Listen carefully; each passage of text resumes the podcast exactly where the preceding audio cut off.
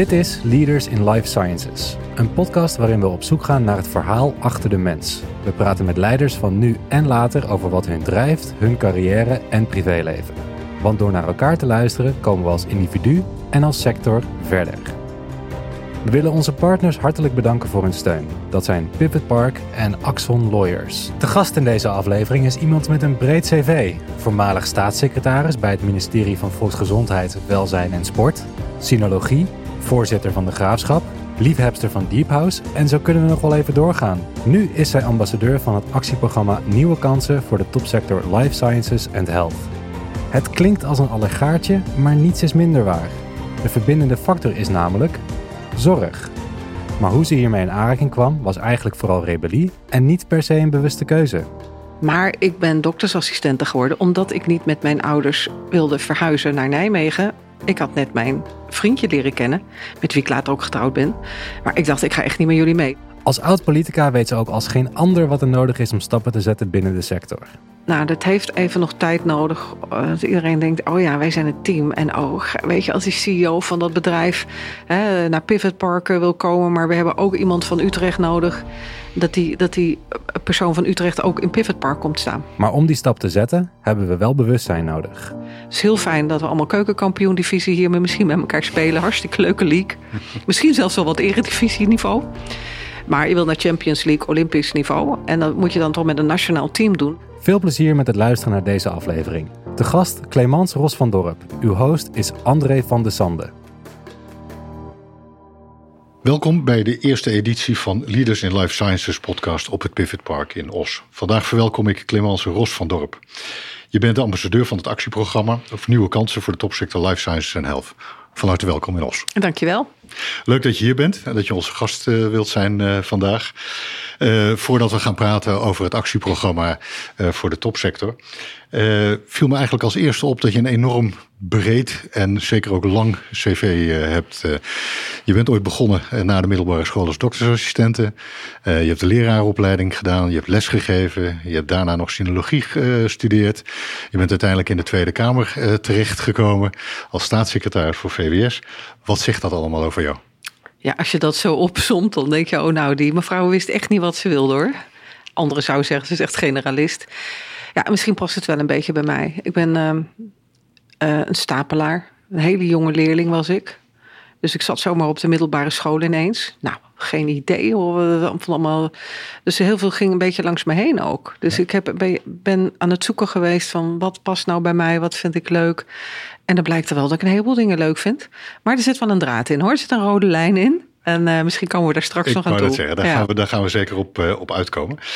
In ieder geval een rode draad is dat je iets met, met zorg uh, hebt. je, hebt je bent ooit begonnen, zoals ik al zei, als, als doktersassistente. hoe ben je daartoe gekomen? Nou, eigenlijk niet op dat moment omdat ik zoveel met zorg had.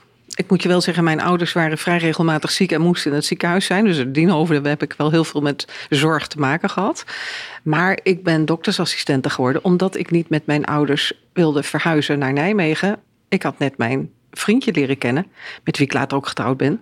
Maar ik dacht, ik ga echt niet met jullie mee. Dus ik zoek de eerste beste baan na mijn, uh, mijn middelbare schoolopleiding, hè, die ik toen deed. Ja. Um, en dat was bij een uh, huisarts. Want jullie woonden toen in Delft. In, uh, je kwam uit Delft, heb ik gezien, maar jullie woonden toen in Deventer? Ik uh, woonde toen in de Achterhoek. Mijn vader is naar de Achterhoek verhuisd toen hij gepensioneerd werd. Dan dacht ik van ja, dat is een heel mooie streek. Dus daar wil ik mijn oude dag doorbrengen. Ja, ja en ik was nog uh, jong, dus ging mee. En verliefd. En, dus en gebleven. verliefd ook nog, ja, en gebleven. Dus ik, uh, ik, je zal mij nooit horen zeggen dat ik Achterhoekse ben. Hè? Ook niet toen ik daar woonde. Ja. Maar uh, ik zou horen zeggen, ik kom uit de Achterhoek. Want om Achterhoekse te zijn, ja, dan moet je er echt wel geboren zijn. Ja, daar kan ik me iets bij voorstellen. Uh, toch heb je op een gegeven moment de stap uh, uit de zorg gezet richting het, uh, het onderwijs. was dat iets wat je van huis uit had meegekregen? Ja, zeker wel. Um, Kijk, dat, die baan als doktersassistent heb ik heel erg leuk gevonden. En vond ook dat ik mijn diploma moet ha moest halen. Bij het LOI. Hè. Toen uh, ja. mocht je nog in sinaasappels prikken en zo. Dat allemaal, uh, nou, ben ik, ben ik uh, doktersassistente geworden ook echt. Maar ik dacht, dat ga ik niet mijn hele leven doen. Wat dan wel? En dat wist ik eigenlijk niet. Dus ja, keek een beetje rond in mijn familie. En heel veel familieleden uh, zaten en, en, zitten ook in het onderwijs. Uh, nou, van, van zeg maar basisschool tot universitair. Ik dacht, nou, misschien moet ik die kant ook wel op. En uh, dacht ik, ja, wat dan? Nou, ik, ik vind talen heel fijn. Maar ik had me ook ingeschreven voor geschiedenis. Mijn vader was ook historicus. Dus dacht, nou, dat zou het ook kunnen wezen. Dus toen ging ik in de tijd van experimenteel onderwijs naar de Gelderse leergangen. In Nijmegen? In Nijmegen, ja. Uh, dus toch wel Nijmegen, maar ik uh, pendelde heen en weer. Dus ik ben niet in Nijmegen gaan wonen, daar was ik consequent in. Ik was inmiddels uh, met mijn vriend samen. En heb ik de leraaropleiding gedaan. Ja, dat was een interessante keus, maar in de tijd van experimenteel onderwijs bleek dat echt toch niet zo bij mij te passen. Begin jaren tachtig hebben we het over. Ja. En dan ook nog in Nijmegen. Hoe, hoe ging dat? Ja, ik heb daar ontdekt dat ik toch echt wel een no-nonsense persoon ben. ben een, een, ik, ik, ja, ik hou niet van op de grond te moeten zitten, omdat ik, als ik op een stoel zit, me verheven moet voelen boven een ander of zo. Mhm. En dat je uh, elkaar met opgerolde kranten moet willen slaan om je agressie aan elkaar, uh, jegens elkaar kwijt te raken of zo. Ik, uh, ook de manier van lesgeven paste helemaal niet bij mij. Ik kreeg dan aangeleerd dat als een leerling niet oplette, keek uit het raam terwijl je iets aan het uitleggen bent, dan moest uh, mij werd mij gevraagd: wat ga jij dan zeggen? Zeg nou, uh, joh, let eventjes op. Nou, dat mocht niet. Ik moest dan zeggen: goh, interesseert het je niet wat ik je te vertellen heb?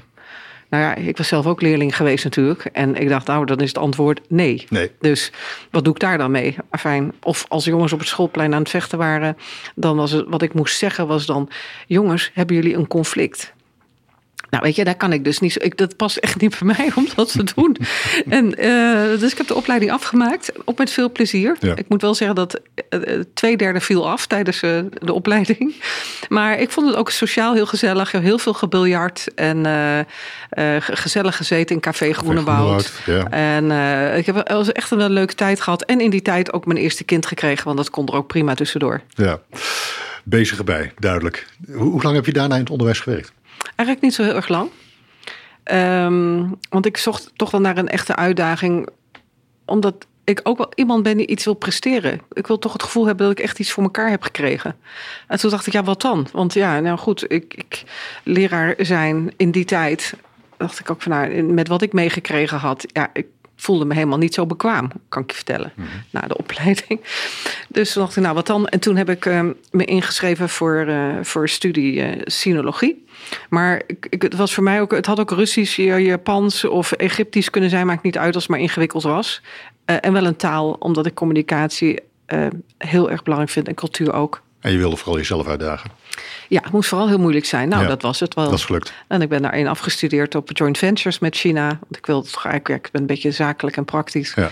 Dus ik heb de management variant gedaan. En dat was echt fantastisch. En heb je daar later in de praktijk nog iets mee gedaan? Nou, ik zou eigenlijk uitgezonden worden naar Beijing om daar een uh, Holland House op te richten. Dus voor bedrijven een uh, contactpunt te organiseren en te gaan doseren aan de Universiteit van Beijing. Uh, maar dat kwam er niet van op het laatst, omdat toen de studentenopstand er was op het Tiananmenplein. Oh ja. En uh, ja, de investeerder trok zich terug voor dat hele project. En uh, toen uh, dacht ik, ja, dan ga ik ook niet wachten. Um, overigens heb ik tijdens, de opleiding, tijdens mijn, mijn, mijn studie sinologie mijn tweede dochter gekregen. En hadden ze twee kinderen thuis. dacht, ja, wat, wat nu? Ehm, ben ik gaan solliciteren en ben ik terechtgekomen bij een Europarlementariër in het Europees Parlement. En daar heb ik toch ook wel wat met mijn studie sinologie nog kunnen doen, omdat hij buitenlandse zaken deed. Ja, ja. En hoe ben je uiteindelijk zelf in aanraking gekomen met, eh, met de politiek? Eigenlijk vanuit een bezwaarprocedure tegen het uh, CDA-beleid in mijn gemeente. CDA had daar de absolute meerderheid, dus eigenlijk was alles was CDA-beleid. Um, ik woonde in een hele leuke straat, een, uh, een, een, weg waar aan het eind een heel mooi park was. Nog is. En nou, de, de, gemeente had het idee opgevat om in dat park een logerij en spuiterij te beginnen met een dienstwoning. In de woonwijk? In de woonwijk, aan het eind van de woonwijk. Een beetje bij de grens van de woonwijk. En omdat de, de buren, uh, waren, was een best een kinderrijke buurt. Wij maakten gebruik van dat park, gingen daar vaak met de kinderen naartoe. Een zandbak spelen, allemaal leuk. Dus ja, dat kwam als een, een, een heel onaangename verrassing. En in de, het Huis aan Huisblad stond het aangekondigd. En ook daarbij, als je bezwaar wilde maken, kon dat. Nou, dat, dacht, dat ga ik gelijk doen. Bezwaar maken. Dat is niet oké. Dus ik ben met mijn buurjongen gaan praten, mijn buurman. Die werkte bij de provincie. En we hebben samen aan de bezwaarprocedure gewerkt. Um, en eigenlijk heeft dat mijn interesse in de politiek gewekt. En waar loop je dan tegenaan? Tegen bureaucratie, regelgeving? Ja, al, al dat. Maar ook um, uh, bezwaar maken blijkt buitengewoon ingewikkeld te zijn. Als je uh, toch niet redelijk hoog opgeleid bent. Ik kan me eigenlijk niet zo goed voorstellen dat je dat dan uh, volhoudt. Ja. Dat is erg ingewikkeld. Maar ook het weerstand achter het gemeentelijk loket in die tijd. Waarbij echt de bezwaarmaker toch wel behoorlijk ontmoedigd werd. Ik weet de ambtenaar nog die mij gelijk begon te vertellen hoe hoog opgeleid hij was. En hij zag mij met een kind op de arm bij dat loket staan. Zo van, nou mevrouwtje, dat was hè, zoals het uitstraalde. Wat, wat denkt u wel te doen, zo ongeveer. Dus ik, uh, nou, dat, dat heeft mij alleen maar extra gemotiveerd. dat van nou zeg. Uh, ja, dus ik vond het in die hele procedure opvallend. Um, dat het ingewikkeld was, dat je er echt niet in ondersteund werd als burger. Maar het, het, het heeft mij gemotiveerd om iets voor mensen te willen betekenen. En zeg van dit, hier wil ik iets mee. Dus misschien moet ik zelf iets in de politiek doen. Ja, je had er ook op af kunnen knappen natuurlijk. Ik denk dat veel mensen afgehaakt waren na zo'n ervaring. Maar jou heeft het juist gestimuleerd om dat op te pakken en er iets mee te gaan doen. Nou, bij mij is het zo dat als ik weerstand ervaar, dat, dat, dat eh, dan ga ik echt uh, duwen. ik ben, ja, of ik probeer te kijken hoe ik dan een beetje mee kan bewegen. Want net als met judo, ja. je kan natuurlijk ook iemand vloeren door even mee te bewegen en met een hele goede worp te vellen. Ja. Dus ik, als ik eenmaal iets in mijn hoofd heb zitten en ik denk dat het moet en dat het de moeite waard is, en ik kan het ook nog met mensen samen doen, ja, dan ben ik ja, eigenlijk heel fanatiek. Ja, dus je maakt bezwaar tegen een procedure uh, uh, onder verantwoordelijkheid van het CDA. Vervolgens meld je je aan bij het CDA. Je werd waarschijnlijk met applaus uh, ontvangen, of niet? Nou nee, ja, en dat was natuurlijk ook niet zo voor de hand liggend dat ik bij het CDA terecht zou komen. Althans, kijk, vanuit mijn achtergrond. Je noemde al, al mijn voornamen. Die heb ik natuurlijk allemaal nodig gehad, al die heiligen, om mij te beschermen. Vier, je hebt vier prachtige doopnamen inderdaad. Heel veel doopnamen, dus, ja. ja. Um, die doopnamen die ik allemaal heb, die beschermen mij natuurlijk uh, tegen alle kwaad, hè, denk ik dan. Ja. Maar uh, ja, het, ik heb uh, toen die bezwaarprocedure achter de rug was en de gemeenteraadsverkiezingen in aantocht gewoon verdiept in de verkiezingsprogramma's. En dus gekeken bij welke partij ik me dan het meest thuis voelde. En dan dacht ik, nou ja, als ik lees waar ze voor staan bij het CDA, past dat eigenlijk heel erg bij mij. Ze leven er wel niet naar, ze doen het wel helemaal niet. Maar goed, als ik er nou bij ga zitten, wie weet kan ik daar iets betekenen. Ja, nou dat heb je gedaan. Uh, uiteindelijk word je zelfs staatssecretaris voor, VWS. Nauwe betrokkenheid bij de WMO. Hoe is dat destijds in zijn gang gegaan? Ja, nou, ik, als Tweede Kamerlid ik, had ik hele mooie portefeuilles. Alle medische-ethische vraagstukken, genetisch gemodificeerde organismen, dus GGMO's, allerlei zaken die ingewikkeld waren. Uh, bleek ik ook in, in beleid weer heel leuk te vinden. Als het maar ingewikkeld is, vind ik het echt heel interessant. En ik had daar ook niet zo'n heel uitgesproken opvatting over.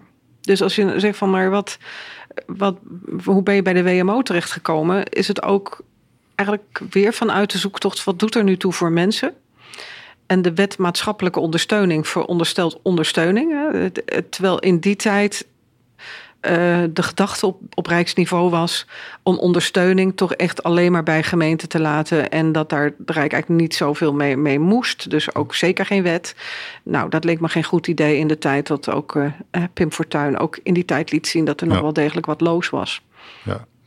Uiteindelijk heb je toch weer besloten om de politiek uh, te verlaten en uh, meer richting maatschappelijke functies uh, te gaan. Wat was de trigger om te zeggen van nou, was er te veel weerstand of, was er, of had je het gevoel dat je niet voldoende voor elkaar kon krijgen? Wat was de reden dat je de politiek verlaten hebt op dat moment? Nou, stel dat, dat een, een, een zittings periode van een eh, staatssecretaris niet maar maximaal vier jaar zou zijn, maar langer. Wat ik heel erg goed zou vinden, omdat je dan ook echt afgerekend kunt worden op het beleid dat je hebt gevoerd. Hè? Ja. Want ja, als je, soms, soms zit je niet eens vier jaar. Nee, hè? Dan nee, valt zeker. een kabinet alweer weer weg voordat je überhaupt iets, uh, iets kunt doen. Uh, dus mijn, mijn um, keuze om niet verder te gaan uh, politiek bestuurlijk zat er meer in het feit dat in mijn partij werd gevraagd door mijn partijvoorzitter toenmalig van wil je, wil je nee eigenlijk was het niet wil je. Wij willen graag dat je naar de Tweede Kamer gaat. Weer terug. Dus niet gaat besturen, maar naar de Tweede Kamer. Want je bent katholiek. En we hebben daar nogal veel protestante mannen. Uh, en misschien wil jij daar uh, in... Een beetje de uh, balans brengen. Ja, ja, nou dat was niet wat ik wilde. want ik heb een fantastische tijd gehad op het departement. Echt heel fijn met mijn team gewerkt fantastisch met, uh, in een moeilijke tijd. Veel bezuinigingen. Um, ook, het was echt niet, niet makkelijk. Maar dat was mooi. Dus ik dacht, ik wil blijven besturen. En dat, dat ben ik dus blijven doen. Ja. Maar dan buiten de Tweede Kamer? Dan buiten ja. de politiek. En daarna ook echt niet meer in de politiek teruggekeerd. Ik ben uh, uh, ongeveer een jaar geleden voor het eerst weer naar een CDA-bijeenkomst gegaan, uh, geloof ik, in mijn gemeente Amsterdam, waar ik nu woon. En dat vond ik zo leuk. Allemaal mensen die mij niet kenden. Ja. Dat was wel maar niks van Rijn die nog kwam uitleggen Nieuwe hoe het allemaal zat. Ja, ik Ja. vond het echt geweldig. En mensen die, die dachten, goh, wat doet die mevrouw? Ik kennen mij niet. Dus ik vond het ook heel leuk om iedereen te kunnen vragen... wat bezielt jou nou om lid te worden van het CDA en zo. En ik vond het echt heel opbeurend. Dus ik heb uh, daar ook leuke mensen ontmoet. En daar heb ik nog een beetje contact mee. Ja, als we even teruggaan naar, naar je jeugd. We hadden het net al hè, over dat, dat uh, echte katholieke nest, zeg maar. Uh, de manier waarop je opgegroeid bent, waar je opgegroeid bent. Uh, wat, wat tekende die tijd voor, voor jou in, je, in jouw jeugd? Uh, en ik probeer eigenlijk een beetje te gaan naar, naar het sporten. Want uh, je hebt duidelijk aangegeven dat je heel veel belangstelling voor sport hebt. Een aantal bestuurlijke functies gehad. Betrokkenheid bij NOC, NSF. De graafschap niet te vergeten. Is dat iets wat je ook uit je jeugd hebt meegenomen? Ja, als je het dan hebt over mijn jeugd en sport, dan is het zo dat in ons gezin met zes kinderen, alle kinderen moesten iets aan sport doen. En overigens ook een muziekinstrument bespelen. Uh, want dat hoorde erbij bij de opvoeding. En was je voor beide even getalenteerd? Ik was helemaal niet getalenteerd. ik, ik, uh, nee, um, een muziekinstrument. Ik heb viool gespeeld en, en, uh, en, en klarinet. En uh, nou, uiteraard begonnen met de blokfluit. Hè? Mooi. het meeste. Mooi. Maar met sport, ja, ik was een hele jonge leerling. En, en dus klein en dun. En, en werd altijd als laatste gekozen bij gym. Nou, later begreep ik ook dat dat het lot is van heel veel jonge leerlingen. Omdat als je echt getalenteerd bent in sport, dat zie je eigenlijk aan alle uitblinkers. Dat zijn uh, zeker niet de hele late leerlingen, maar dat zijn leerlingen die ergens nou, toch uh, zeg maar wat sterker zijn al in hun leeftijdscategorie. Maar ik vond het altijd hartstikke leuk. Dus was ook heel erg was wel heel triest dat ik dan als laatste gekozen werd. dus ik dacht, nou ja, wat, wat dan? Uh, het, en dat in combinatie met het feit dat ik heel erg leuk vind om dingen te organiseren en met mensen samen iets te doen, ja. kwam ik in besturen terecht van sport. Maar ik heb er altijd van genoten. Wij zaten op de bank uh, voetbal te kijken. Er was natuurlijk bijna niks op tv. Hè? Ik ben nu 64, dus uh, ja, wat was daar te kijken? Sport, schaatsen, voetballen. Dus wij keken altijd bak chips op de bank. Ja. En uh, voetbal kijken. Dus ik, heb, ik, ja, ik ken alle regels heel goed. En uh, ik vind het heel leuk. Ondanks het feit dat ik het zelf niet goed kan. Wel op het schoolplein nog gekiept en zo. Keeper ja, mocht je dan als meisje wel, wel hè? Ja, ja, dat ik keeper mocht. Dus ja, ik heb er wat mee. Maar meer nog met besturen. Dus ja, vandaar ook uiteindelijk... Ook, ook, daar maak je dan eigenlijk meteen een grote stap. Hè? Je, je, wordt dan voorzitter van de graafschap. Uh, wat toch weer een hele andere omgeving is dan, dan waar je tot die tijd had uh, geacteerd. Ja, nou daar is het wel zo. Ik, ik ben ook uh, voorzitter van, van de Eredivisie Vrouwen geweest. Ja. Ehm, en was met de KNVB bekend in het voetbal.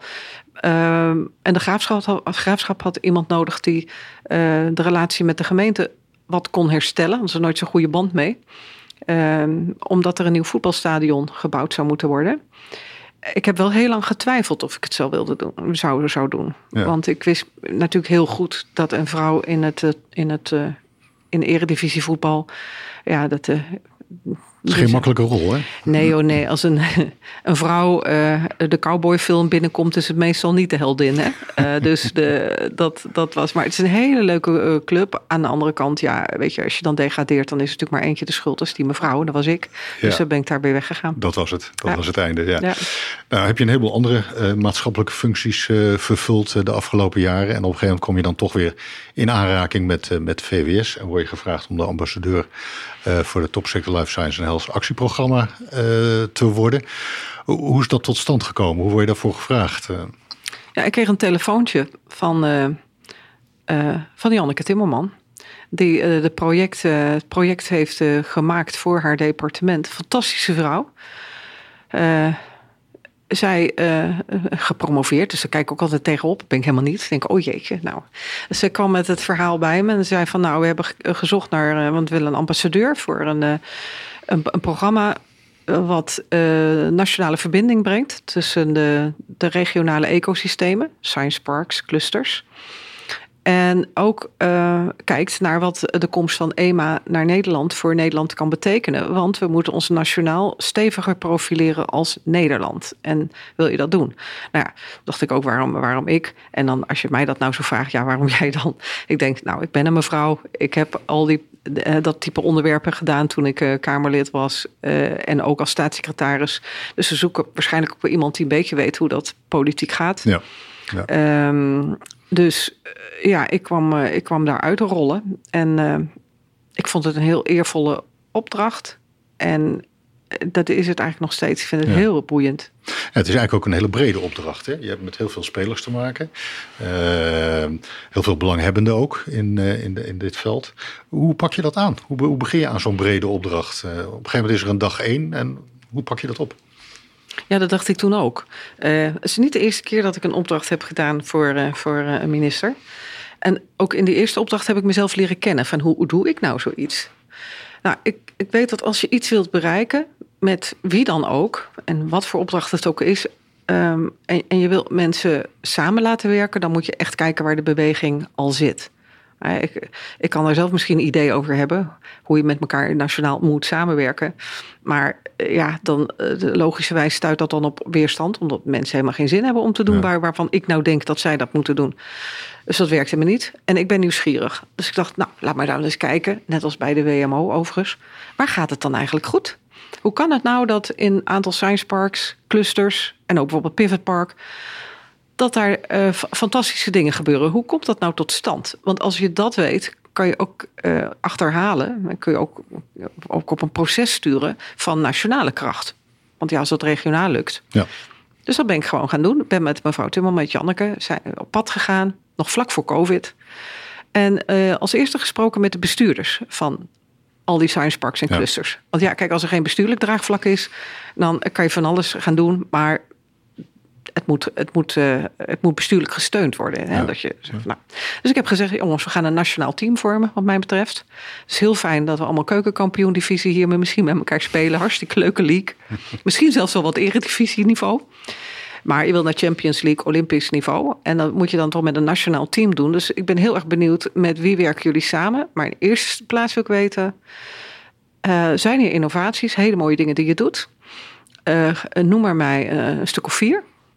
En vertel me hoe het komt dat die zo goed gelukt zijn. Ja, als je, als je naar Nederland kijkt, dan zijn we eigenlijk internationaal bezien een, een, een postzegel. Of misschien wel een hele mooie postzegel, maar toch, hè, we zijn relatief uh, klein. Toch zijn we ook heel vaak verdeeld, valt mij op. Hè. Het is inderdaad uh, niet één gemeenschappelijke propositie. Uh, science parken die met elkaar concurreren.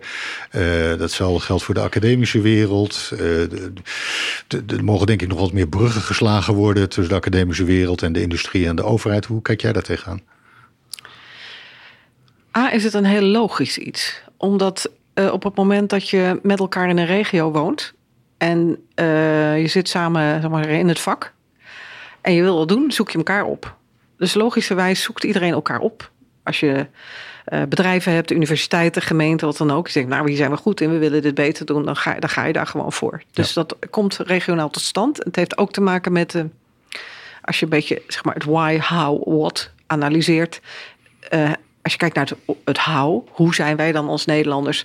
Doen wij dat gewoon? We zijn niet zo super hiërarchisch. Mm. Ze zoeken elkaar op bij mooie dingen en we gaan ervoor. Dat doen we ook internationaal.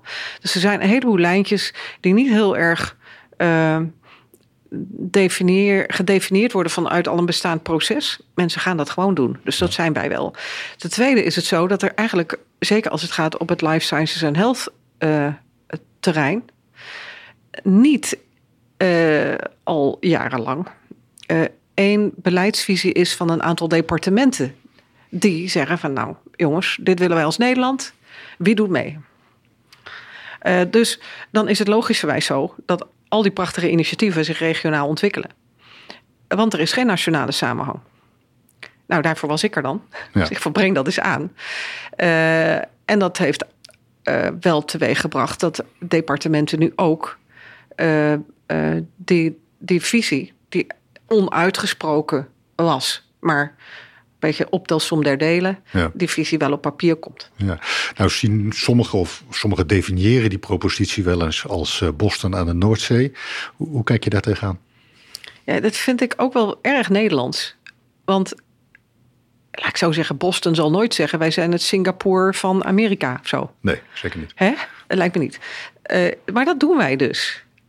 En eigenlijk is het een heel mooi voorbeeld als je bijvoorbeeld aan een tafel zit met een minister... en je zegt, nou, wij willen net zo goed georganiseerd zijn als Boston... maar als propositie om mee te markten... stel ik kom in Duitsland en ik, en ik wil daar met een... Hè, met wat regionale bestuurders en, en hun bedrijven uh, wil ik ze overhalen om naar pivotparken te, te, komen. Dan kan ik natuurlijk niet, zo zeggen, niet zeggen ze zeggen van weet je, je moet naar ons komen omdat we eigenlijk net zo willen zijn als Boston. Nee. Dat, dat, nou zeggen ze, nou dan gaan we naar Boston. Ja. Dus dat werkt niet zo goed uh, als je een propositie maakt voor je marketing. Maar die ligt er inmiddels wel en die schetst Nederlands als een connected metropolis. Ja, dat zijn wij ja. echt dat geeft ook ruimte aan al die ecosystems, aan die ecosystems en die clusters. Want dan zeg je ja, wij zijn eigenlijk maar die postzegel. Maar in alle verbondenheid zijn wij eigenlijk gewoon één regio, één metropolis. Ja. Nou, nou zijn er meer postzegels in Europa. Als ik kijk naar, naar Denemarken, Zwitserland, eh, eigenlijk heel succesvol op, eh, op, op dit vlak. Waar, zit hem dat verschil eh, met, met Nederland?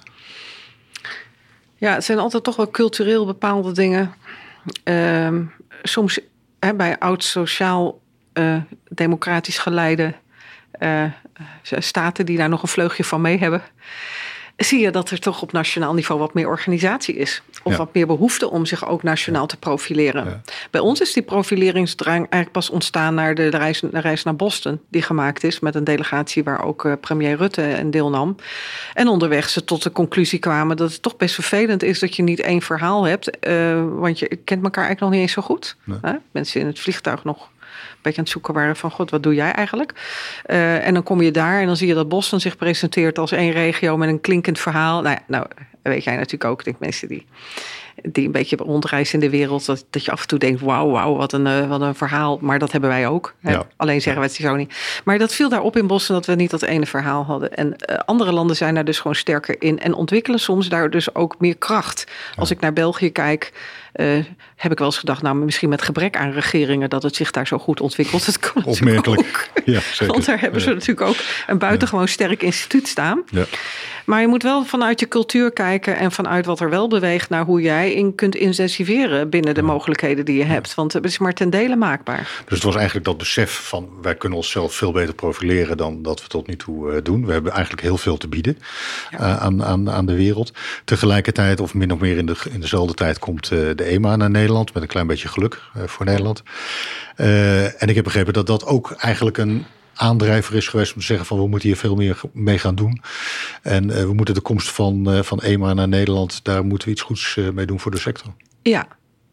Ja, en ook uit de Tweede Kamer zie je dan natuurlijk, god, dat heeft wat gekost, het moet iets opbrengen. Nou, dat Ja. is dat altijd wat lastig met internationale grote organen die je krijgt. Hè? Wat een grote, eh, ja, dat kan je ook moeilijk van, eh, van, van andere zaken zeggen die we hier huisvesten. Maar natuurlijk betekent het echt iets dat het Europees Medicijn, Medicijnagentschap nu in Nederland is. Ehm, want het, eh, het trekt natuurlijk partijen die met EMA werken. Eh, die, die, die zich bezighouden met regulatory affairs eh, aan. Ja. Dus die komen allemaal in Nederland, willen daar dichtbij zitten. Ja, wat kunnen we daarmee? Ehm, dus ik ben eh, met eh Emma Koek in gesprek gegaan. Want ik ben dan ambassadeur. Dus zij vindt het heel Ja. fijn om met iemand van de Nederlandse, die namens de Nederlandse Rijksoverheid met haar praten, te kunnen praten. Ze zei ook van, hebben we in Londen nooit meegemaakt. Helemaal niemand die eh, met ons ooit kwam praten. Nee. Nee. Dus ehm, zij noemt, eh, zeg maar, zeg maar, haar staf ook zegt, heeft het dan over team ambassador. Want ik heb zeg maar Bert Leufkes, uh, Rizzo Smit en uh, Mirjam Koopmans. zijn allemaal mensen die dan mee. Ja. ja. dat is een team. Dus wij we zijn ook met EMA in overleg gegaan over hoe EMA ook ons kan gebruiken. Want het is natuurlijk wel weer heel erg Nederlands om te denken, nou EMA komt, daar, dat, daar gaan wij iets van profiteren of zoiets. Ja. Denk, nou, het is niet dat we met VOC-schepen met de spiegels en kralen uitvaren en met specerijen terugkomen hoor. Zo werkt het niet. Dus het is een relatie opbouwen. Ja. Um, nou, dat, dat zijn we aan het doen. En dat resulteert erin dat um, we met EMA gaan kijken naar hoe Nederland ook een vliegwiel kan zijn, een accelerator, op het gebied van uh, regulatory affairs, die voor Europa inzichten kan bieden. Um, op bijvoorbeeld het gebied van hoe we um, met onderzoek op, bij rare diseases, ATMP's, kleine cohorten, hoe, hoe wij met elkaar uh, kunnen kijken of we daar bijvoorbeeld met behulp van real-world data of uh, zeg maar nieuwe technologieën ehm, en, en aanpassing van regulation kunnen kijken of we die toch naar de patiënt en de markt kunnen krijgen op een betere manier. Want ja, ik zou zeggen, er zijn zoveel innovaties en we hebben nog een beetje oude wasstraat waar ze doorheen moeten. Ja, we zijn niet het snelste land wat dat betreft, hè, qua procedures. Nee, soms is het dan, en dat heeft ook te maken met dat departementen uh, vaak pas achteraf ge, uh, gevraagd wordt van... kijk, hier lopen we tegenaan, hier is een hobbel, kun je er iets mee doen? Dus belangrijk is voor Nederland dat de betrokkenheid van uh, ambtenaren... van diverse ministeries... we hebben het gezien bij genetisch motiveerde ja. organismen, dus helemaal lang... dat je al aan de voorkant meekijkt... Ehm, met, het, met al die partijen uit het ecosysteem die bezig zijn met die vernieuwing uh, met innovaties. Wat betekent dat dan voor wet en regelgeving? Wat betekent dat dan voor de randvoorwaardelijke taken, hè, de publieke zaak, die toch wel degelijk bij de Rijksoverheid ja, ligt? Ja. ja, er zit een regulatoire kant aan het verhaal natuurlijk. Er zit ook denk ik een financiële kant aan het verhaal. Hoe, hoe financieren wij innovatie? Hoe financieren wij zorg? Hoe, hoe voorkom je nou dat dat, dat, dat versnippert? Uit mijn rondgang langs de science parks bleek heel erg duidelijk dat regionaal in het ecosysteem, ook met de regionale ontwikkelingsmaatschappijen, echt gekeken wordt naar welke focus kiezen wij. Uh, als je focus kiest, weet je zeker dat je inzet op kracht. Uh, dus je, je kan heel breed gaan en zeggen van er komen steeds meer nieuwe innovaties. We gaan alles gaan, gaan financieren. Dus laat eh, honderd ja. en duizend bloemen bloeien. Gaan we allemaal financieren. Maar vaak zijn het maar tijdelijke impulsen. Dus het gaat A om focus. Je moet ja. echt focus kiezen. Betekent dus ook nationale focus kiezen. Dat hebben de science parks en clusters ook gedaan. Hè? Die ecosystemen hebben met mij uh, keuzes gemaakt. Uh, van waar willen wij in investeren? Ja. Um, daar zijn keuzes gemaakt voor zeven pijlers. Die zitten in dat actieprogramma. Maar ook daar is gezegd: kijk, wij kunnen zelf, maar ten dele als veld uh, successen organiseren. Je hebt daar ook een grid onder nodig ja. vanuit uh, een, zeg maar uh, rijksoverheids verantwoordelijkheid. Want de optelsom der delen is niet gelijk nationale kracht. Nee. En het gaat natuurlijk om het bundelen van die krachten. Het gaat natuurlijk ook met name op die lange termijn, die keuze voor de lange termijn. En, en niet wat je net zegt van uh, we proberen dit, we proberen dat, maar hier echt lange termijn keuze in, in, in te maken. Ja. Daar moet je de politiek natuurlijk wel in meekrijgen dan ook. Absoluut. En dat is ook een attitude waar je het dan over hebt. Hè? Kijk, lange termijn betekent support willen geven vanuit kaders. Dus dat betekent wel dat je uh, um, een, een, een, beleidsdocument hebt. Visie is soms een, weer zo'n woord. Maar je moet weten wat je wil. Wat de, wat de steun is vanuit je, je beleidskader. Wat je mee wil geven aan het hele veld. Van academie tot en met industrie. Ja, want die doen het allemaal met elkaar. Ja. Dus, uh, uh, dat stuk komt er dus. Want bedrijven gaan geen lange termijn commitment aan wanneer het elke paar jaar anders is. Ja, precies. De, zeg maar, het lange termijn commitment zie je dus wel op regionaal niveau ontstaan. Maar als je met de Rijksoverheid praat, ja, je weet, hè, we staan wat dat betreft ook. Als je kijkt naar hoe er naar Nederland gekeken wordt uh, door bedrijven, staan we er politiek niet goed op. Nee. Vindt men maar een wankele boel. We, we, worden, we worden een onaangenaam, we worden niet zo leuk afgeschilderd. Dus eh, alleen maar eh, willen groot geld verdienen en, enzovoort. Maar dat is dan ook ongeveer het beeld. Dus nou, daar moet je niet zijn. Nee.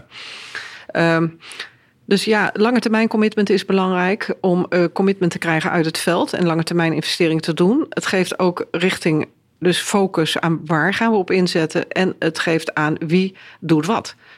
Want de Rijk moet investeren in de dingen waar het Rijk over gaat. Eh, voor de volksgezondheid hebben we natuurlijk heel lang geleden riolen aangelegd. Het riool. Dat is ook niet via een soort groeifondsmodel. Waarbij je zegt, nou, iedereen kan intekenen op hoe die dat is denkt te gaan doen. En dan ga je dat allemaal doen. En aan het eind verbinden we dat dus met elkaar. Nou, dat is onhandig. doen we ook niet met treinrails. En zo zou je ook naar een gezondheidsdata-infrastructuur moeten kijken. Vanuit het actieprogramma blijkt ook dat er grote behoefte bestaat bij alle regio's om alle biobanken en cohorten zoveel mogelijk te koppelen. koppelen, Misschien in een ja. federatief systeem. En als je naar het buitenland kijkt, eh, ja, dan zie je dat sommige buitenlanden daar veel harder lopen. Ja. Eh, omdat dat soms ook top-down gestuurd wordt hoor. Dus kunnen wij niet kopiëren.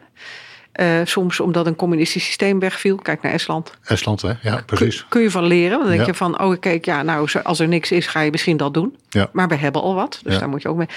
Maar ehm, het is Maar belangrijk. waarom lukt het daar wel en waarom, waar lopen wij hier dan aan? Zijn, zijn wij te zenuwachtig met regelgeving? Willen we alles dichttimmeren? Wat- waar zit dat verschil?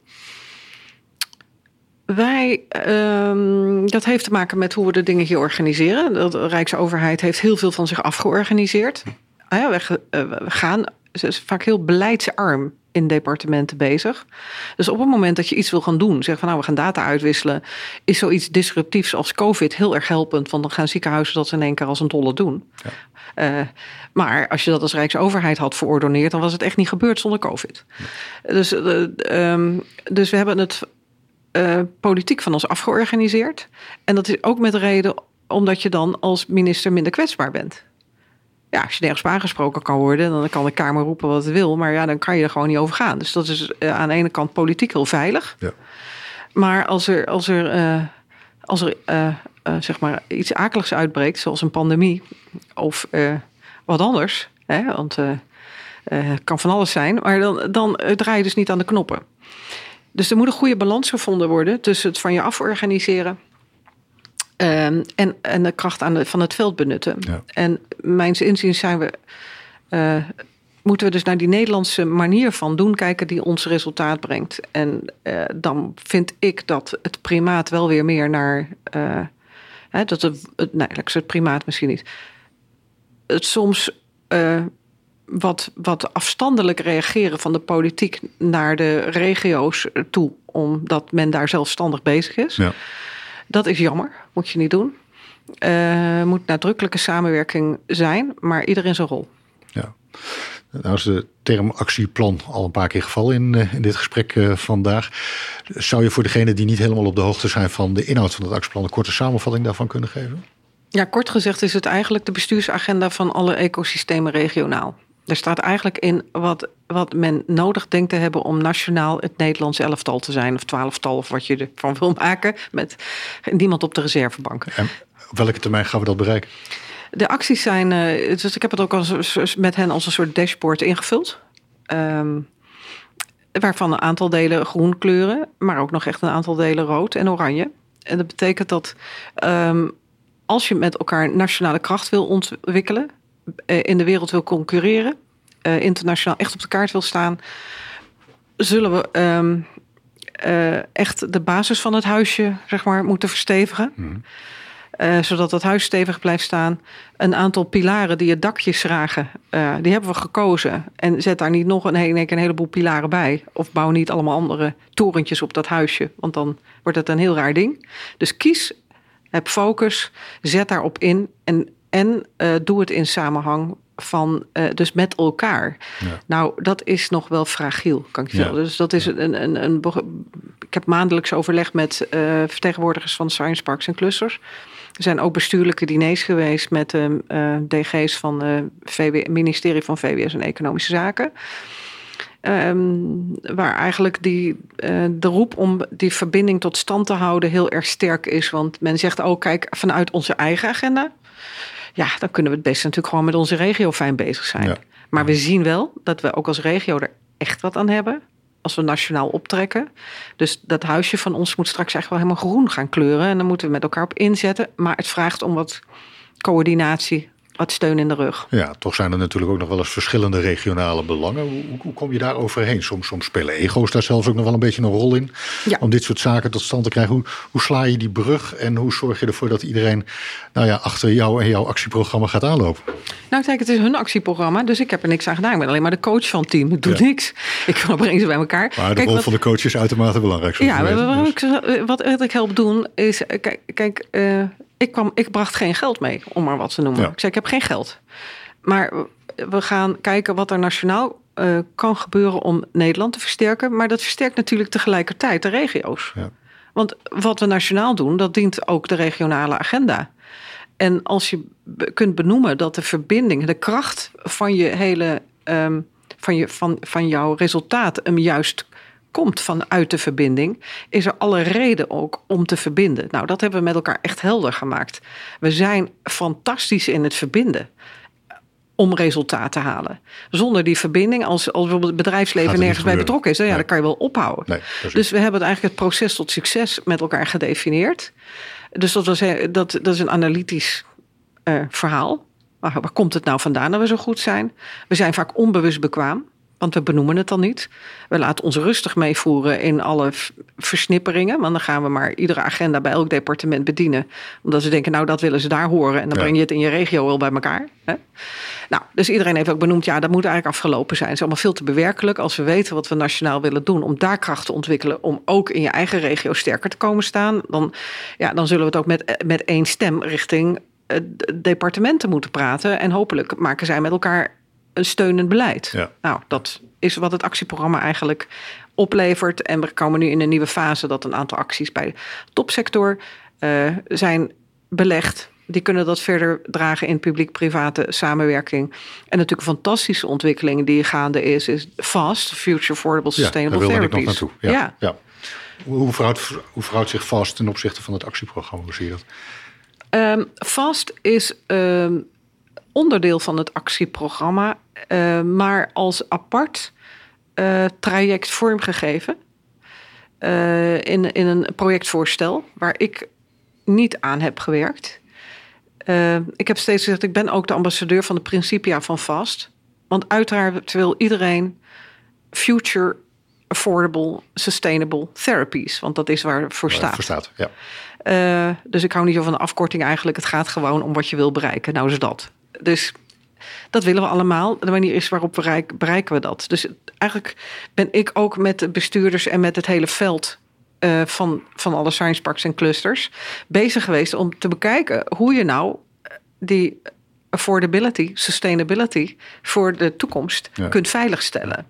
Dus in wezen is, um, is, daar, is, is daar het belangrijkste wat er uitgekomen is, is dat als je dat wil doen, je in een, een, een expertisecentrum, een organisatie met elkaar uh, verbonden, dus van pharma, medtech, eh, biotech, de, al die partijen samen met academie en veld, moet je, moet je met elkaar in gesprek zijn om te zoeken naar de best mogelijke ja. manieren van werken. Ja. Um, nou, dan, dan zie je eigenlijk dat uh, het eerste document wat vast opleverde, uh, had een wat meer uh, zeg maar regisserende rol vanuit de Rijksoverheid voor ogen. En als ik kijk naar waar, naar nu een paar jaar werken met het veld om dat actieprogramma voor elkaar te krijgen, is de, de, uh, de aansluiting bij het KNAW-rapport, wat onlangs verschenen is over een expertisecentrum, wat zij goed, uh, zeg maar, wat zij voor ogen hebben om te werken aan diezelfde doelstellingen. Ja, daar zie je dat het expertisecentrum eigenlijk naadloos aansluit bij wat vast beoogt te doen.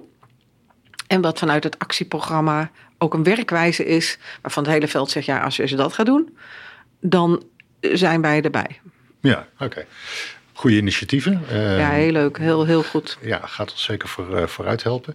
Uh, over die industrie gesproken. We zijn hier vandaag op het, op het Pivot Park, het oude terrein van, van Organon. Ja. Dan zijn we bij de industrie. Wat, wat doet de industrie nou eigenlijk op dit vlak goed en misschien nog niet zo goed? Ja, als je me vraagt naar, naar de industrie, herinner ik mij voor al de eerste kennismaking die ik had met de industrie. Uh, want ik, ik ben uh, gewoon, ja, het werd COVID-tijd. Dus heel veel dingen online. Ik, voordat COVID startte ben ik nog bij een aantal regio's uh, persoonlijk langs geweest. Maar ja, online. Dus ik herinner mij heel goed nog het gesprek wat ik had met, met MSD, met Ben Lucas, die hier toen nog was voor MSD. En Ben, een van de eerste zinnen die hij uitsprak was: Nou, very nice to, to meet you, but are you also our ambassador? Bent u ook onze ambassadeur? Ja. En ik vond dat echt, ik dacht, hè, hoezo niet? Maar toen dacht ik, oh kijk, ja, zo, zo leeft dat dus. Uh, ze voelen zich helemaal buitenspel staan. Ja, je zegt met mijn, mijn voetbalachtergrond. Ik dacht, dat kan niet, hè? We zijn met elkaar in een. Het wordt vaak ervaren zo inderdaad vanuit de industrie, hè? Dat er een kloof is tussen, tussen de industrie en, en de overheid. Dat werd mij toen heel duidelijk. Dat ik dacht, oké, ik heb het hier over een goed functionerend team. Wat met elkaar de wedstrijd gaat winnen. En een van de belangrijke spelers, want dat hadden we inmiddels achterhaald. Uh, hè, voor zover ik dat natuurlijk zelf al niet wist. Dat is natuurlijk wel dat als je iets naar de markt wil brengen, zijn daar bedrijven bij nodig. Ja. Dus een beetje raar als een van de belangrijke spelers in het spel. Uh, uh, steeds buitenspel staat of gewoon niet bij de tactiek betrokken wordt. Zo. Zeg van nou ja, jij niet, want moet jij niet zo. Dus dat gevoel leefde er. Dus ik dacht, nou, dat is eigenlijk wel, dat is niet oké. Dus ik zei, ja, zeker ben ik jullie ambassadeur. En ik ga proberen om dat team echt als team te laten functioneren. Ja, dus um, vandaar. Uh, wat, wat, moet de industrie nog beter doen? Want de industrie heeft ook, ook een eigen verantwoordelijkheid wat dat betreft. Zeker, zeker. Ik, ik, ik heb een hele goede contacten natuurlijk met, uh, met uh, de VIG. Hè? Ja. En met, met Holland Bio. Met, met ook de koepels. Um, ja, wat moeten ze nou zelf doen? Kijk, op het moment dat je zelf buitenspel voelt staan. Uh, om redenen die je misschien niet zo heel erg oké okay vindt. Kan je natuurlijk gaan, de hele tijd gaan zeggen: ja, maar ik ben wel heel erg goed. Ja. En ik doe er heel erg toe. Uh, alleen als je dat het maar steeds alleen over jezelf moet zeggen, helpt dat niet echt. dat dus dat heb ik ze ook meteen uh, gezegd. Kijk, uh, als je vindt dat ik niet deug, hè, en, en ik, ik ga tien minuten tegen jou aanpraten dat ik wel heel erg deug, dan denk je echt na die tien minuten, nou ze deugt echt niet, want ze had er echt wel veel woorden voor nodig. En ze zegt helemaal niet oké. Okay. Dus ik, wat ik ook heb gezegd, weet je, ik ga proberen ervoor te zorgen dat iedereen gaat inzien dat je een heel belangrijk onderdeel zijn van het succes van Nederland. En dat je dus niet uh, buiten beschouwing kunt worden gelaten. En ik ga ervoor zorgen dat net overigens als in Boston, hè, want daar kijkt natuurlijk het bedrijfsleven heel graag naar. Maar dat net als in Boston, als wij een podium hebben, hier ook. Uh, de CEO van, een, uh, van een, een, mooi bedrijf naast die professor op het podium komt te staan. En dat ze beide met elkaar enthousiast zijn. En zover zijn we nu. Ja. Daar ben ik heel trots op dat dat dus gelukt is. Je had het eerder over besturen en communicatie. Eigenlijk mhm. zouden we veel meer misschien naar een gezamenlijke communicatie toe moeten groeien. Ja, weet je, wat het meeste verbindt is waar je het voor doet. Ja. Dat, dat is voor die patiënt, voor die mensen die je beter wil maken of langer in, eh, met kwaliteit van leven in die samenleving actief wil houden. Daar doe je dat allemaal voor. Dus er is geen verschil van mening over. Als ik toen eerst bij de departementen binnenkwam, was, was ook mijn eerste zorg. Uh, laat, laten die departementen ook met elkaar dezelfde taal gaan praten. Dus ik heb uh, gezegd toen ik de opdracht aanvaarde. Ik zeg, het eerste wat ik wil gaan doen is uh, even een, een, een avondje met een hapje eten. Met de ambtenaren van beide departementen die zich hiermee bezighouden. Nou, dat was klaarblijkelijk een nogal apart verzoek. Het duurde erg lang voordat dat mocht. Ik geloof dat we allemaal maximaal twee glaasjes wijn mochten drinken. Dus nou, niet dat we ons allemaal natuurlijk een stuk in de kraag wilden drinken. Maar het was wel strak afgebakend. Maar dat is een erg leuke avond. Dat komt toen nog live. Kijk, en daar begint het over taal. Over hoe kijk je eh, tegen de sector aan. Hoe kijk je tegen het bedrijfsleven aan. En um, omdat life sciences en health... Uh, uh, niet een, een, een, een beleidsterrein omdat hij en omdat Life Sciences en Health niet beschikte over een, een beleidsvisie van de diverse departementen, waar je al in kon lezen dat uh, dat hele ecosysteem bedrijfsleven in kluis zo belangrijk is. Ja, ja. Zie je ook dat in departementen dit, dit verhaal van Life Sciences en Health soms bij een directie belegd is. In het geval van VWS, natuurlijk bij de directie uh, geneesmiddelentechnologie, GMT. En dan gaat het over prijs. Dus als je mensen die over prijs gaan, um, ja, aan, aan het, zeg maar, aan, in de voorhoede zet van degene die praten over de betrokkenheid van pharma, weet je natuurlijk dat ze gaan praten over prijs. Dat is niet heel erg verbazingwekkend. Nee. Maar nou is prijsonderhandeling meestal het sluitstuk. En dat hopelijk blijft dat ook zo altijd. Ja. Dus je kan, kan heel moeilijk als je een product maakt, en of dat nou iets in pharma is of in de medische biotechnologie, je kan niet aan de voorkant al heel goed vertellen wat het gaat kosten Ja. voordat, voordat het klaar is. Ja. Wat je wel met elkaar kunt doen, is, en daar zal, zou de industrie, eh, ja, daar, ga, daar gaan ze denk ik blij mee zijn en aan wennen, dat ook in dat expertisecentrum wat er komt, ze aan de voorkant mee gaan denken over beleid. En over hoe doen we het met elkaar op de meest slimme manier. Want we Ja. doen het voor die patiënten. En dus veel geïntegreerder gaan samenwerken op dit Ja, vlak. want kijk, dan is het natuurlijk wel belangrijk dat je niet al gelijk vanuit eh, eh, zeg maar eh, koepels gaat zitten. Want koepels moeten met hun achterbannen praten. En dan zie je vaak dat het heel lang duurt. Hè? Kun je heel lang vergaderen. Wat heel belangrijk is, dat je de experts uit de verschillende velden bij elkaar, Elkaar aan tafel zet. En ja. in een perpetuum van, de, eh, van het zoeken naar de best mogelijke oplossingen zet. En dan kan het best zijn, eh, dat, iedereen moet open kaart spelen. Iedereen moet respect hebben voor mekaars agenda. Het zou toch raar zijn als een bedrijf geen winst wil maken. Ja. Maar een bedrijf heeft ook oog voor, hè, Big Pharma heeft er ook oog voor... dat als je voor kleinere cohorten iets wil doen... of eh, dat, dat dat misschien helemaal niet bij hun hoort... maar dat je nieuwe verdienmodellen moet verzinnen... En dat je moet bekijken of ook niet start-up en scale-ups in, in deze sector Ja. eh, eh, geholpen moeten worden om daar wel mee te werken. Ja. Dus er is, ja, in plaats van buitenspel staan, moet de industrie echt aan tafel, maar vanuit de gezamenlijkheid. Ja. Ja, daar ben ik het van harte mee, eh, mee eens inderdaad. En daar kunnen we, denk ik, in Nederland nog een heleboel winst eh, boeken. Eh, als ik naar het actieprogramma kijk en kijk waar het zich op richt, dan eh, gaat het uiteraard over eh, gezondheid, gezondheidszorg. Het gaat ook over de economische belangen van, van Nederland. Maar er is ook nog een derde component waar we het nog niet over gehad hebben, dat is een stukje duurzaamheid. Ja. Hoe zie je dat in relatie tot de andere twee componenten? Ehm, het heeft vers- verschillende gezichten. Kijk, duurzaamheid, gelukkig als begrip, is echt ingeburgerd in Ja. alle geledingen van, eh, van het hele ecosysteem hier. Dus dat, dat hoeft niemand. Maar dan moet je dus oppassen dat het niet een, een, een dooddoener wordt. Hè? Eh, wat doen we daar dan aan, aan duurzaamheid? Duurzaamheid betekent dan dus ook dat we echt lange termijn perspectief met elkaar schetsen. Duurzaamheid creëer je niet overnight. Soms kun je iets doen in duurzaamheid in je processen. Hè? Als het gaat over afval, zui, waste. Eh, je kunt een heleboel dingen in je productieprocessen organiseren waardoor je bezig bent. Maar, maar ook dat, als je dat in een bedrijf wilt doorvoeren, heb je dat niet 1, 2, 3 gedaan. Is echt beleid wat je gewoon consequent moet blijven voeren. Het, eh, duurzaamheid zit hem ook in ehm, eh, internationaal connected zijn. Want ja, we zitten hier niet in ons eentje duurzaam te wezen. Hè? Dus we moeten dat met elkaar doen. En ik vind dat daar ook Nederland echt slagen moet maken. Op het moment dat we echt goed internationaal ervoor willen staan, moeten we eigenlijk in dat hele internationale ecosysteem eh, met elkaar eh, optrekken en ook op Europees niveau bondjes sluiten. Eh, ja, dat dus niet allemaal ieder voor zich, maar ook weer vanuit een nationaal perspectief. Ja. Wa- wa- Wanneer ben jij tevreden als, met dit programma, met de uitrol van, van het actieprogramma? Wa- Wat is het moment dat je zegt van als we dat bereiken, dan, staan, dan hebben we het echt voor elkaar gekregen? Eh, ik denk dat ik heel erg blij zal zijn wanneer eh, die coördinerende rol die ik nu heb, dat die helemaal niet meer nodig is.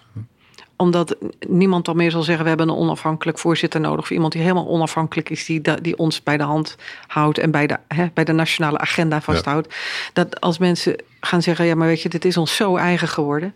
Dit is eh, hartstikke leuk, Klim, als je er ook nog bent. Maar misschien is het leuk dat je in het buitenland eh, Eigenlijk ons vertegenwoordigt. Maar eigenlijk mijn overbodigheid. Overbodigheid, precies. Eh, ja. ja. want Dat, dat, eh, ja, daar zou ik heel blij mee zijn. En ik denk ook als je kijkt naar wat eh Karma van Veelstal als boegbeeld van de topsector kan doen. Er zijn zoveel mensen die dit al dragen. Maar net dat stuk nationaal samen optrekken. Nou, dat heeft even nog tijd nodig. eh, Dat iedereen denkt, oh ja, wij zijn het team. En oh, weet je, als die CEO van dat bedrijf hè, naar Pivot Park eh, wil komen... maar we hebben ook iemand van Utrecht nodig... dat die, dat die eh, persoon van Utrecht ook in Pivot Park komt staan. Ja. En zeg van, de- ik, ik ga net zo hard Pivot Park komen... eh, hè, enthousiasmeren voor Pivot Park... als dat ik dat voor mijn eigen Science Park zou doen Ja. in Utrecht. ja, en als dat klaar is, dan ga je weer terug naar de sport of naar de politiek? Of wordt het gewoon weer iets heel anders? Eigenlijk geen flauw idee. Ik, eh, ik vind het heel erg fijn om, eh, om iets mooi af te ronden. Uh, maar het, ik, ik, ben me er ook van bewust dat dit gewoon een, een, opdracht is. En dan kijk ik wat op mijn weg komt. En ik ben eigenlijk een heel tevreden en gelukkige mens. Uh, ik woon op een flatje van 42 vierkante meter in Amsterdam. Dat is heel erg klein. Meer heb je niet nodig Ik heb allemaal mijn dochters in. Nee, ik heb mijn dochters in het buitenland. Uh, ik reis graag. En als ik erg nuttig kan zijn, dan, dan, dan overweeg ik dat weer. En ja, ja, weet je tel je zegeningen, denk ik af en toe. Ik ben, ben een heel gelukkig mens. Ja, mooi. Uh, je, je, je, noemt je dochters. Uh, we hadden het eerder over uh, muziek en muzikaliteit. Je, je, bent er niet mee doorgegaan, in ieder geval. maar je dochters wel. Die hebben wel iets met, met muziek. deze, deze opname die komt uiteindelijk op, op Spotify terecht. En nou begreep ik dat een van jouw dochters bij Spotify werkt. Zeker, ja. Een dochter van mij die werkt al een aantal jaren bij Spotify. Ehm, en ja, dat is heel leuk. Zij is de technische dame van de drie dochters. Um, en uh, ja, dat is een. Uh, vind ik erg leuk. Het, het, het, erg leuk. Mijn, mijn jongste dochter is die, die zingt, zangeres. En eigenlijk komt het niet zozeer door mij, maar misschien zelfs wel meer door mijn, mijn overleden echtgenoot. Die is vier jaar, bijna vier jaar geleden overleden. Hm. En hij was ook niet echt een muzikus, maar was ook gek op muziek. Dus de kinderen zijn echt opgevoed met allerlei nieuwe trends in muziek. Ehm, ja, en als je dan iets in je vak gaat doen, dan, eh, ja, nou, de ene heeft heel veel talent om, om te zingen en zangcoach te zijn. En, en, en zo hoort dus die, dat komt van die kant. Maar ook mijn technische dochter, die vindt dat gewoon een fantastisch product. Uh, dus ja. Dus die liefde voor muziek die heb je in ieder geval doorgegeven aan, aan, aan je kinderen. Je bent zelf ook nog een groot muziekliefhebber, begrijp ik? Zeker, ja. ja. Ik vind het heel leuk. Ik, ben, uh, ik, ik, hou van, van nou ja, zeg maar meer de, de, de, de deep house. Deep house ik, ik, hou wel, ik hou van heel veel. Ik hou ook van, overigens van klassiek. Maar ik hou van heel veel nieuwe muziekstijlen. Maar ik vind als ik in de Cariben ben, waar twee van mijn dochters wonen, vind ik het natuurlijk ook heerlijk om in de avond reggae te luisteren. En nou nog leuker naar een optreden van mijn dochter te gaan als die moet optreden ergens. Maar ik ik vind dat heerlijk, weet je. Het, het, is een beetje wat bij je stemming past. Ja. Om uh, soms ook keihard. Ik, uh, ik vind bijvoorbeeld Black Coffee vind ik ook heerlijk om naar te luisteren. Uh, maar ook de oude Stones. Ja. En als ik heel sentimenteel ben, dan nou zet ik iets heel, heel zieligs op. Met mooie zielige muziek of zo. Dus ik vind het heerlijk. maar ja, weet je... ik, ik, zeg wel, ik, ik, ik, mag, ik mag blij zijn dat ik gezond ben. En als ik dan weer kijk, we hebben beginnen toch hier. We, we hebben het over gezondheid. Als ik dan kijk uh, wat, uh, wat dan belangrijk is, ook naar de ziekte van mijn man, die een heel bijzondere ziekte ook had, uh, die in één keer ziek werd en nog 2,5 jaar leefde. En dan met toch mijn experimentele behandeling een heel mooi jaar heeft gehad. Dan denk ik, nou, weet je, positivisme in het leven en zorgen dat je de mooie dingen ziet, dat is echt een van de allerbelangrijkste. ja, vind ik, vind ik fijn dat ik dat, dat, ik dat mag hebben. Ja. Want dat maakt dat je ook de zon kan zien, ook al is het misschien een beetje uh, uh, duister. En dat je mensen kan blij maken met uh, ja, samen naar iets moois zoeken. Ja, nou dat is een mooie conclusie voor ons gesprek van vandaag, zou ik zeggen. We komen een beetje aan het eind van, van dit gesprek, van deze podcast. Zijn er nog onderwerpen die ik niet benoemd heb? Of waarvan je zegt van nou, daar zou ik toch nog even aandacht voor willen vragen? Nee, misschien afsluitend met, met wat, wat ik. wat, wat, wat, wat, wat mij opvalt, is dat de bezieling in dit veld niks te maken heeft met geld. Nee. Wie ik ook spreek, uh, doet het voor de mensen voor wie ze bezig zijn met, uh, met, met hun werk. Dat, dat, is, dat is waar ze het voor doen. En dat is uh, geen, geen, geen dooddoener, maar dat houdt iedereen ook verbonden. Um, dus op het moment dat je mensen meemaakt die dat niet hebben, daar kun je ook maar beter geen zaken mee doen. Nee.